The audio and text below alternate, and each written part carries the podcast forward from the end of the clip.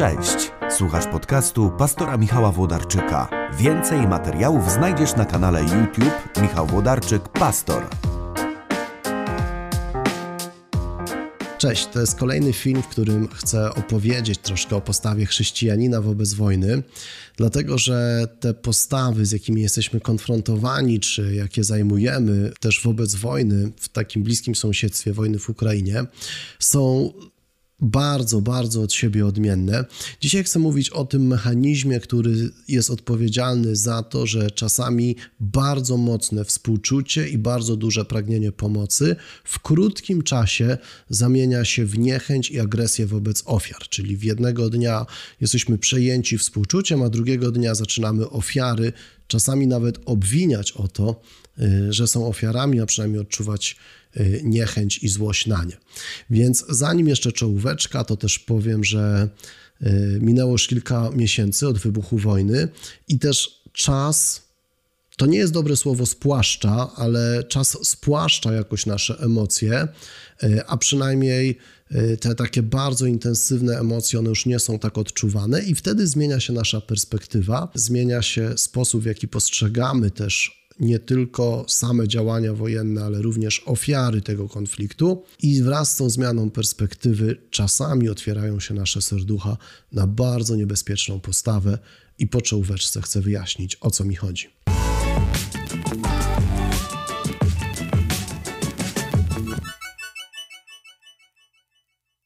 Człowiek ma niesłychane zdolności adaptacyjne, czyli potrafimy w najbardziej nawet nieludzkich warunkach przetrwać, dopasować się i też w warunkach, które są dla nas niekomfortowe i niekorzystne, nie potrafimy przez długi czas e, funkcjonować, więc uruchamiamy strategie adaptacyjne. I myślę, że to takie spłaszczenie emocji, Psychologia nawet zna to jak, jako takie zmęczenie współczuciem, zmęczenie długotrwałym współczuciem, kiedy po pierwszych tygodniach wojny byliśmy jako społeczeństwo, i to bez dwóch zdań jest powód do dumy, mocno zaangażowani w pomoc osobom, które uciekły z Ukrainy, w miarę jak czas upływa, pojawia się coraz więcej takich postaw niechętnych i agresywnych wobec osób, które uciekły przed wojną. Wielu moich znajomych co jakiś czas w mediach społecznościowych odświeża informacje, takie bieżące informacje z Ukrainy, bo mówi: Mam wrażenie, że panuje takie znieczulenie, zobojętnienie, że ta wojna gdzieś nam spowszedniała. I, to jest chyba dobre słowo. Wojna nam y, spowszedniała i wielu z moich znajomych mówi, ponieważ trudno mi się zgodzić z tą postawą, to często na swoje media społecznościowe wrzucam takie przypomnienie, żeby nam ta wojna nie spowszedniała. I ja się w pełni utożsamiam i zgadzam z tym sposobem myślenia, y, że rzeczywiście nie powinno nam ludzkie cierpienie, cierpienie obok nas powszednieć. Natomiast w tym odcinku chciałbym opowiedzieć o mechanizmie, który za tym stoi. Y, bo zawsze cierpienie drugiego człowieka powoduje dla nas pewną niedogodność. I nawet jak to jest obca osoba i jest z nami niezwiązana, to jej cierpienie może być źródłem niedogodności dla postronnych osób. Prosty przykład. Oglądasz sobie w domu serial, swój ulubiony serial na Netflixie, a obok za ścianą sąsiad znęca się nad swoją żoną i ona krzyczy. Wiecie, kiedy to jest pierwsza taka awantura, to może nawet odczuwasz w sobie jakąś taką, nie wiem, chęć pomocy, y, dzwonisz na policję, na niebieską linię, chcesz pomóc tej kobiecie. Kiedy już po interwencji patrol nakaże temu mężczyźnie opuścić mieszkanie, to nie wiem, okażesz tej kobiecie współczucie, spotkasz się z nią na, na, na kawę, y, chcesz jakoś pomóc. Ale teraz sobie wyobraź, że to jest taka sytuacja, która dzieje się w zasadzie przez bardzo, bardzo długi czas, jest nierozwiązywalna i po raz kolejny już, kolejny wieczór zaczynasz oglądać swój ulubiony serial i znowu nie słyszysz na dialogów, bo tam za, za ścianą słyszysz jej, jej krzyk i wołanie o pomoc i u niektórych z nas pojawi się takie myślenie, też obwinianie tej kobiety o tą sytuację, czyli nagle ofiara staje się w naszych myślach odpowiedzialna za swoje cierpienie albo winna swojemu cierpieniu, i już zamiast współczucia pojawia się niechęć, agresja albo poirytowanie wobec ofiary, nie tylko wobec agresora, ale wobec osoby, która jest ofiarą tego zachowania. Zdaję sobie sprawę, że niektórzy z nas, którzy są bardzo empatyczni, współczujący i po prostu dobrzy, mogą sobie pomyśleć, Michał, to niemożliwe, y, żeby ktoś był zły na ofiarę, że, że jej cierpienie powoduje niedogodność. Super, że jesteś taki dobry i może właśnie w taki sposób myślisz, natomiast u większości z nas jednak te mechanizmy są zbyt słabe i czasami obwiniamy albo złościmy się na ofiarę. Prosty przykład. Wyobraź sobie, że jedziesz z Bydgoszczy do Warszawy autostradą. Droga jest zaplanowana na 3 godziny, tam masz bardzo ważne spotkanie i nagle ląduje, zatrzymujesz się w korku, który sprawi, że zamiast jechać 3 godziny do Warszawy, będziesz 5 godzin stał, stała w jednym miejscu, w upale, bo tam wydarzył się wypadek. Niektórzy z nas mają naprawdę myślenie, to jest niedogodność, ten wypadek to jest czyjeś cierpienie, które spowodował niedogodność dla mnie. Niektórzy z nas utrzymają się w tym takim myśleniu, Boże, dziękuję Ci, że cała niedogodność mojej podróży to jest to, że 5 godzin stoję, ale nadal moje serce jest wdzięczne za to, że, że bezpiecznie jadę, że nie jestem ofiarą wypadku, że nie przydarzyło mi przez te wszystkie lata podróżowanie, podróżowania taka sytuacja, w której ta y, byłbym właśnie tą ofiarą wypadku. Niektórzy z nas będą wściekli, y, no bo na, będą wściekli czy na tę sytuację i zaczną przerzucać też tę swoją złość na tych, którzy w tym wypadku być może zginęli, dlatego korek jest tak długi, bo trzeba wzywać prokuratora, bo są ofiary, ofiary śmiertelne w tym wypadku.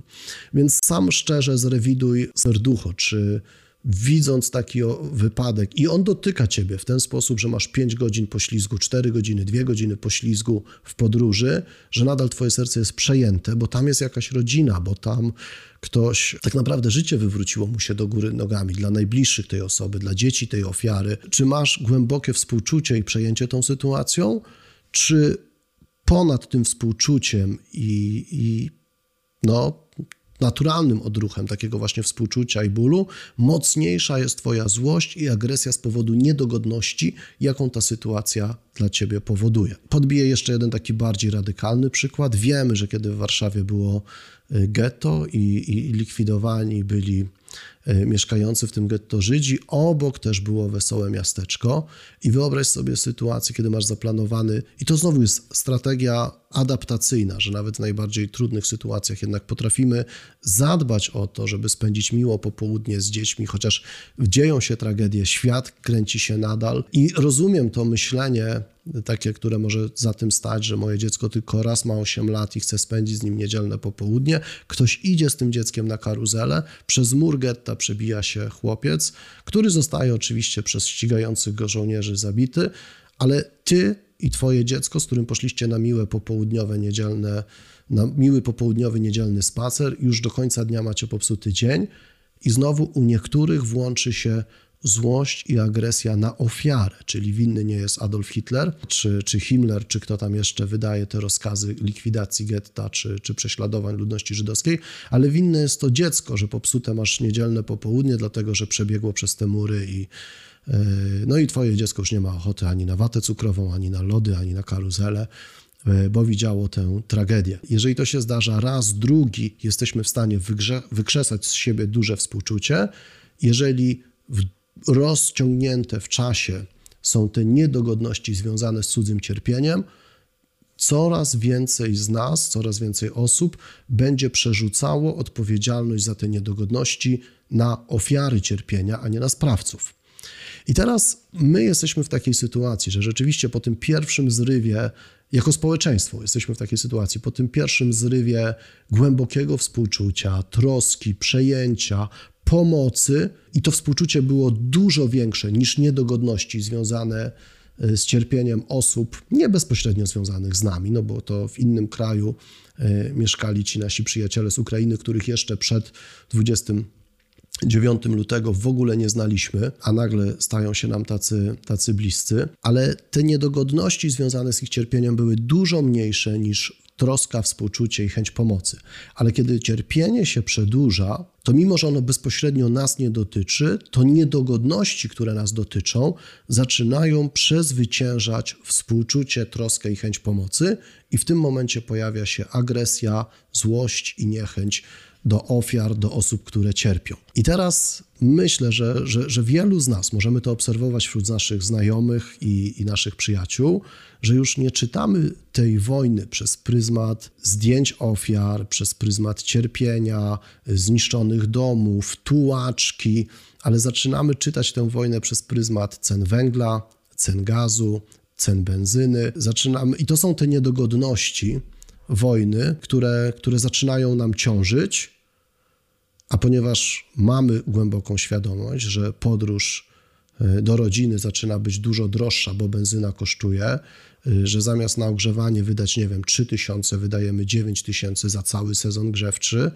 że tych niedogodności jest coraz więcej, pojawia się coraz więcej takiej racjonalizowania złości na tych, którzy są ofiarami tej wojny, no bo to chociażby działa taki prosty mechanizm, że Putin jest bardzo daleko, więc ciężko złościć się na niego, a ci, którzy są ofiarami w tej wojnie, są bardzo blisko, więc można się na nich złościć. Więc wiecie, to, to w różnych konfiguracjach występuje takie racjonalizowanie tej niechęci, albo one mają długie paznokcie, to ja jakoś tak ostatnio często słyszę taki zarzut, że te kobiety i mamy, które przyjechały z Ukrainy, wiecie, no nie zasługują na pewien rodzaj współczucia, empatii, pomocy, bo mają długie paznokcie. Nie wiem, myślę, że to słyszeliście, że to wszędzie w całym społeczeństwie rezonuje tak samo, że nie pracują, albo że pracują i zabierają nas, nam pracę. To nie ma znaczenia. To chodzi tylko o to, żeby uzasadnić swoją y, niechęć i dystans, y, albo że mieszkają na bezpiecznych terenach i dlaczego są tutaj no ludzie kochani, ja tak sobie myślę, że gdyby w Białym Stoku rozpoczęły się działania wojenne, to nie czekałbym aż armia dojdzie do Bydgoszczy, ale ewakuowałbym swoją rodzinę, zanim ta działania wojenne by dotarły do Siedlec. Y, więc tak sobie myślę, że tutaj też to jest takie chybione. Natomiast rozumiem mechanizm, który za tym stoi. Tak naprawdę to wszystko jest sposób wyrażenia pewnej frustracji, zmęczenia i niechęci, że przez długi czas niedogodności tej wojny dotyczą mnie. Dotyczą tego, ile płacę za paliwo, ile płacę za ogrzewanie i tak dalej, i tak dalej. W ten sposób ta frustracja daje sobie znać. Oczywiście jej nie usprawiedliwiam, tylko myślę, że kiedy zrozumiemy, kiedy rozpoznajesz takie działanie może w sobie, takie myślenie, to może łatwiej będzie ci jednak na nim zapanować i przywrócić sobie właściwą perspektywę. Żeby znaleźć przykład neutralny i jednak tobie zaproponować tę przyjęcie właściwej dla chrześcijanina perspektywy, a myślę, że jedyną właściwą perspektywą dla chrześcijanina jest pomoc i współczucie. Ja o tym jestem bardzo głęboko przekonany. Jedyną właściwą, kiedy widzę człowieka w cierpieniu, to jedyną właściwą perspektywą jest pomoc i współczucie. I zdaję sobie sprawę, że to, co nazywam niedogodnością, może bardzo mocno dotykać Twojego życia. Może przejmujesz się tym na maksa, że Twoje oszczędności, oszczędności życia zżera właśnie inflacja, że płacisz dużo za benzynę. Ale moja perspektywa jest taka, najpierw podam przykład neutralny, że kiedy jadę samochodem i widzę kogoś w wypadku, to mimo, że moja podróż może nie zdążę na umówione spotkanie, może to, co zaplanowałem, w ogóle już nie ma sensu, żebym jechał do tej Warszawy, bo jak po pięciu godzinach tam dotrę dodatkowego postoju w upale, to już będzie po tym spotkaniu, będzie czas wracać do domu, więc tylko tak naprawdę przejechałem się 200 kilometrów i czas wracać do domu. Spaliłem troszkę paliwa i zmarnowałem troszkę czasu. Ale mimo to nie pozwalam, i na tym bardzo mi zależy, i o tym chcę Wam opowiedzieć, żeby złość na tę niedogodną perspektywę była większa niż wdzięczność, którą powinienem mieć w sercu za to, że jadę bezpiecznie. Za to, że w niczym nie jestem lepszy niż ta osoba, której wypadek spowodował korek na autostradzie, że to jest łaska, niezasłużona Boża przychylność, Boża dobroć, że bezpiecznie jadę, że żyję. E, więc, więc mijając taką sytuację drogową. W moim sercu zawsze jest wdzięczność. Boże, dziękuję Ci za to. Mam nadzieję, że to dobrze zrozumiecie, że to nie jest takie dziękuję Ci, że to ja, a nie on, ale dziękuję Ci Boże za to, że ja jestem bezpieczny. I teraz wracając do wojny. Za każdym razem, kiedy podjeżdżam zatankować paliwo, mogę mieć serce pełne zgorzknienia, żółci i wściekłości na wojnę i czasami podświadomie obwiniać ofiary zamiast sprawców, dlatego że paliwo podrożało w ostatnim czasie bardzo dużo albo kiedy patrzę na, nie wiem, na siłę nabywczą pieniędzy, które udało mi się zaoszczędzić, jak ona każdego dnia maleje, mogę odczuwać z tego powodu pewnego rodzaju, nie wiem, złość, frustrację, ale równie dobrze i staram się przyjąć tę właściwą perspektywę, mogę mieć gigantyczną wdzięczność za to, że mieszkam w kraju, w którym jest bezpieczny. A to jeżeli mam wdzięczne serce, to wtedy będę bardziej przynaglony do tego, żeby współczuć i pomagać. Jestem wdzięczny za to, że płacę swoimi pieniędzmi w swojej walucie za paliwo do mojego samochodu, że nie muszę się tułać w obcym kraju, ale, ale właśnie w swoim kraju, w swojej walucie, swoimi pieniędzmi mogę zapłacić za tą benzynę. I ta podwyżka ceny, nie wiem, z 4,20 na 8,20 paliwa jest żadną niedogodnością w perspektywie wojny, która jest tuż za granicą i cierpienia, które dotyka tak wielu osób. Powtórzę tę myśl, którą powiedziałem na początku. Cudze cierpienie zawsze powoduje niedogodności dla ludzi wokół. To taka historiozoficzna myśl, ale my jako ludzie jesteśmy ze sobą połączeni. Więc kiedy sąsiad znęca się nad swoją żoną, to cudze cierpienie, mimo że z tymi ludźmi jesteśmy w ogóle może niezwiązani, ono może powodować niedogodności dla ciebie. E, że nie słyszysz dialogów w ulubionym serialu. Ale moment, w którym ta niedogodność powoduje złość na ofiarę, zamiast i zasłania współczucie i chęć pomocy, to jest moment, który pokazuje, jak bardzo stwardniało i zdziczało nasze serce. Bo człowiek wrażliwy zawsze ma więcej współczucia niż przejmowania się tą niedogodnością. Moment, w którym jedziesz samochodem i widzisz ofiary wypadku i niedogodność związana z tym wypadkiem jest większa niż współczucie wobec tych ofiar, i ta niedogodność, i złość, i agresja z powodu tej sytuacji przesłania tobie współczucie dla ofiar, to jest moment, w którym zgubiłeś perspektywę, zgubiłaś perspektywę i, i zdziczało, i skamieniało, i stwarniało twoje serce. I tak samo teraz, nie? kiedy ta wojna dłużej trwa, niektórym z nas gubi się perspektywa. Jedyną właściwą dla chrześcijanina perspektywą jest troska i współczucie, kiedy widzisz człowieka w cierpieniu. Możliwość pomocy drugiemu człowiekowi jest niezmiennie ciągle tą okazją do tego, żeby spotkać i pomóc Jezusowi, którego spotykamy w jednemu z tych najmniejszych, w każdym, kto jest głodny, kto jest spragniony, brakuje mu ubrania, jest chory i tak dalej, i tak dalej. Nie? I teraz, jeżeli w Twoim myśleniu się pojawia, no tak, ale tu nikt nie jest głodny, nikt nie jest spragniony, nikt nie ma jedzenia i moje ulubione, a paznokcie ma lepiej zrobione niż ja, to myślę sobie, serio, naprawdę da się tak, tak zgubić tę perspektywę. Jestem Bogu wdzięczny, jakkolwiek to brzmi. Naprawdę jestem Bogu wdzięczny za to, że jedyną niedogodnością związaną z wojną na Ukrainie, jaką muszę znosić, to jest to, że inflacja zżera moje oszczędności, że za paliwo płacę 8 zł, a jak może oglądacie ten film, będzie już 10, że może kolejki do lekarza będą odrobinę dłuższe, że klasa mojego dziecka w szkole może będzie troszkę bardziej liczna, bo myślę sobie cały czas, Boże, jestem Tobie wdzięczny, to jest jedyna niedogodność związana z tą wojną, że ta wojna nie rozlewa się na na kolejne kraje, że ja nie muszę wywozić, ewakuować mojej rodziny i szukać dla nich przyjaciół e, w bezpieczniejszych krajach, gdzie będą mogli mieszkać wszyscy razem kątem, ale że moje dzieci mogą mieszkać w swoich pokojach i tak dalej, i tak dalej. Więc jeżeli są takie trzy postawy i tą środkową jest obojętność, taką, że ani mnie to ziębi, ani grzeje, potem jest ta postawa, że wobec drugiego człowieka cierpienia drugiego człowieka nie jestem obojętny, ale mam pragnienie współczucia i pomocy. I to jest, wydaje mi się, że jedyna postawa dla chrześcijan, ale już przyjmijmy, ok, jest taka obojętność, to jest postawą zupełnie niedopuszczalną. To jest takie świadectwo, wiecie, egoizmu i zdziczenia serca, takiej koncentracji na siebie, kiedy widząc cudze cierpienie, bardziej przejmuje się moimi niedogodnościami niż cudzym cierpieniem. A cudze cierpienie zawsze powoduje niedogodność dla postronnych osób, które nie mają z tym żadnego związku. Natomiast dla niektórych z nas ta niedogodność jest tak nie do zniesienia, że zaczynamy odczuwać agresję i złość wobec tych, którzy cierpią. I myślę, że coraz częściej mamy takie właśnie próby racjonalizacji tej złości i tej agresji, yy, dlatego że ta niedogodność związana z wojną trwa już bardzo długo.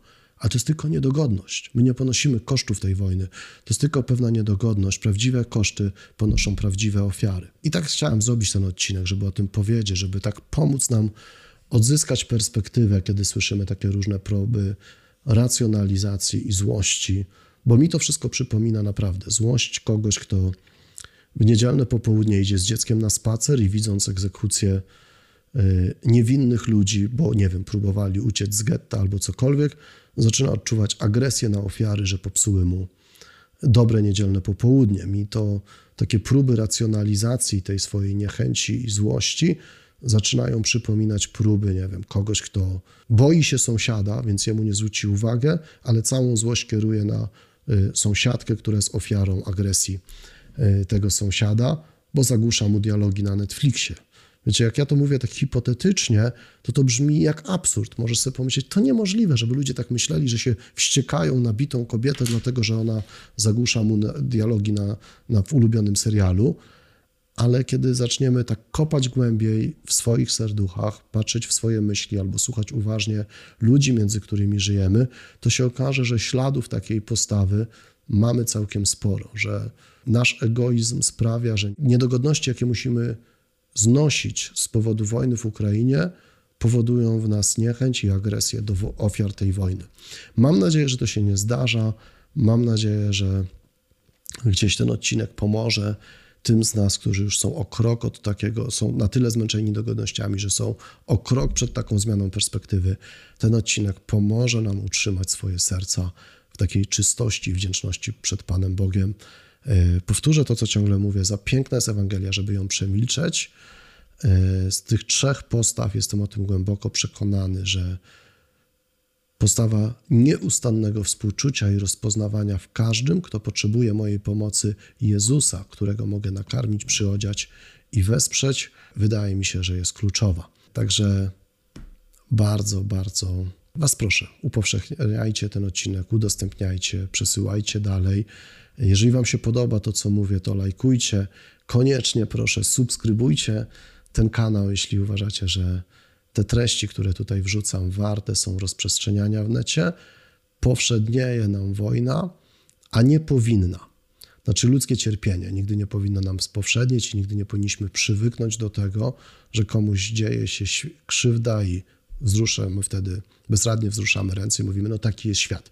Taki nie musi być świat, bo ja i ty możemy w ten zły świat ponieść odrobinę Bożej troski, Bożego Królestwa i Bożej dobroci i do tego jesteśmy powołani i to niezmiennie jest, powinno być naszą najwyższą troską i naszym najwyższym staraniem. Dzięki za Waszą obecność i miejcie dobry dzień.